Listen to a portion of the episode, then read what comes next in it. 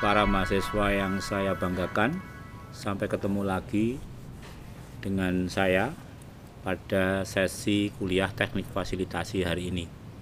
Pada sesi ini saya akan mereview ulang tentang substansi fasilitasi. Jadi dalam fasilitasi ada tiga hal penting yang perlu diperhatikan dikuasai oleh fasilitator. Yang pertama adalah substansi, yang kedua proses, dan yang ketiga relasi. Saya ulang kembali yang pertama substansi. Beberapa waktu yang lalu saya sudah sampaikan bahwa substansi itu bicara tentang apa topik diskusi yang akan dilaksanakan, apa yang dilakukan, apa topiknya.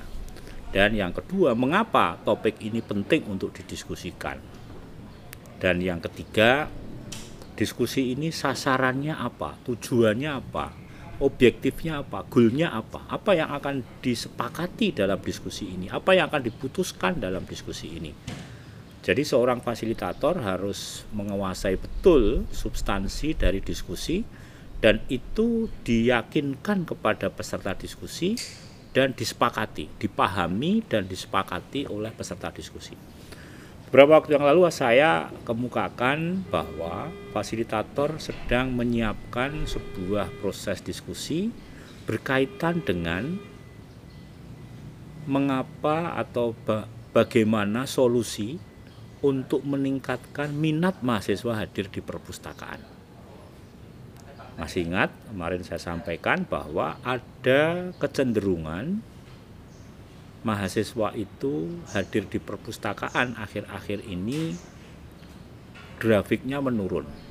Nah, jadi saya ulangi sekali lagi, substansi yang kemarin juga sudah disiapkan mahasiswa itu harus disampaikan pada saat kita memulai diskusi. Jadi diskusi itu dimulai dengan fasilitator menyampaikan kembali topik diskusi dan mengapa ini perlu didiskusikan serta sasaran diskusi. Dan yang berikutnya adalah siapa yang dihadirkan dalam diskusi ini. Ya, ini yang penting. Nah, saya akan memberikan contoh. Ketika kita sudah menyiapkan sebuah rancangan diskusi sebagaimana yang kemarin sudah kami kita sampaikan yaitu diskusi men, merumuskan strategi mendongkrak minat mahasiswa hadir di perpustakaan. Ya, ini perlu disampaikan oleh ketika ketika para undangan sudah hadir dalam forum itu dalam undangan yang hadir misalnya ada ketua STPMD, wakil ketua bidang akademik, dosen-dosen di prodi yang tentu saja tidak semuanya kemudian pengelola perpustakaan itu sendiri serta perwakilan mahasiswa. Nah, bagaimana mahasiswa menyampaikan substansi diskusi ini di awal pertemuan ya. Jadi semua hadirin sudah hadir dalam sebuah ruangan, fasilitator memulai diskusi. Nah, pertama yang dilakukan fasilitator adalah menyampaikan topik diskusi ya. Setelah seremonial acara maka fasilitator akan muncul memimpin diskusi itu dengan pertama menyampaikan topik diskusi. Ya, sebagai contoh seperti ini. Bapak-bapak dan ibu-ibu serta mahasiswa yang saya banggakan. Pertama saya mengucapkan terima kasih atas kehadiran Bapak Ibu dan Saudara sekalian dalam forum diskusi yang mengangkat topik bagaimana strategi mendongkrak minat mahasiswa hadir di perpustakaan.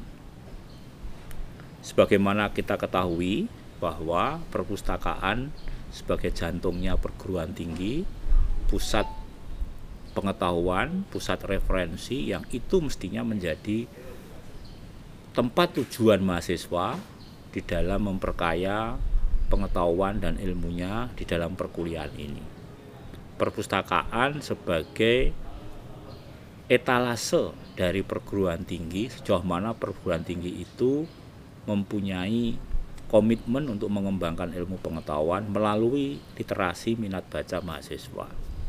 Namun dalam kenyataannya perpustakaan kita ini akhir-akhir ini mahasiswa yang hadir itu semakin lama semakin menurun. Mengapa ini terjadi? Mudah-mudahan mahasiswa menggunakan literasi yang lain. Apakah dia menggunakan media sosial di dalam mengakses informasi-informasi tentang referensi kuliah atau seperti apa. Tapi bagaimanapun juga perpustakaan harus menjadi pilihan karena di perpustakaan juga tersedia wifi dan sebagainya. Ini yang memperhatikan sehingga pada kesempatan ini kami mengundang Bapak Ibu sekalian untuk menyampaikan gagasan-gagasannya, ide-idenya untuk mengembangkan atau meningkatkan minat mahasiswa hadir di perpustakaan ini. Nah, ini sampai di sini fasilitator menyampaikan kepada peserta diskusi. Sekaligus disinggung juga fasilitator mengatakan yang hadir pada kesempatan ini ada pembantu ketua satu, ada ketua STPMD, ada ketua-ketua prodi, ada perwakilan mahasiswa, ada pengelola perpustakaan. Nah, dengan menyebutkan itu berarti peserta itu sudah saling mengetahui, saling kenal satu dengan yang lain. Ini menjadi modal awal. Bandingkan kalau misalnya hadir tidak pernah dikenalkan satu dengan yang lainnya, maka dia akan ini siapa, ini siapa dan sebagainya. Nah, di akhir menyampaikan tujuan atau topik diskusi tadi, peserta disku, eh, fasilitator mesti menyampaikan apakah Bapak dan Ibu peserta diskusi ini paham dan menyepakati topik diskusi serta sasaran diskusi kita ini.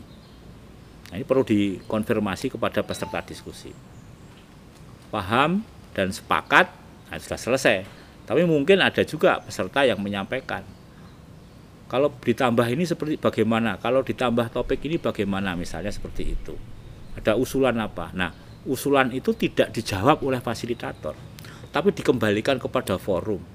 Bapak dan Ibu sekalian, ini ada masukan dari Bapak dosen X misalnya bahwa sebaiknya e, forum ini nanti ditambah atau topik diskusinya ditambah dengan satu bahasan ini.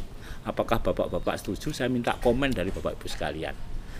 Nah ini diberikan kesempatan. Nah kalau komennya 1, 2, 3, 4 itu setuju, berarti disetujui bersama. Baik, jadi topik diskusi pada hari ini adalah ini, sasarannya nanti adalah ini, ini, ini misalnya seperti itu. Sepakat? Sepakat.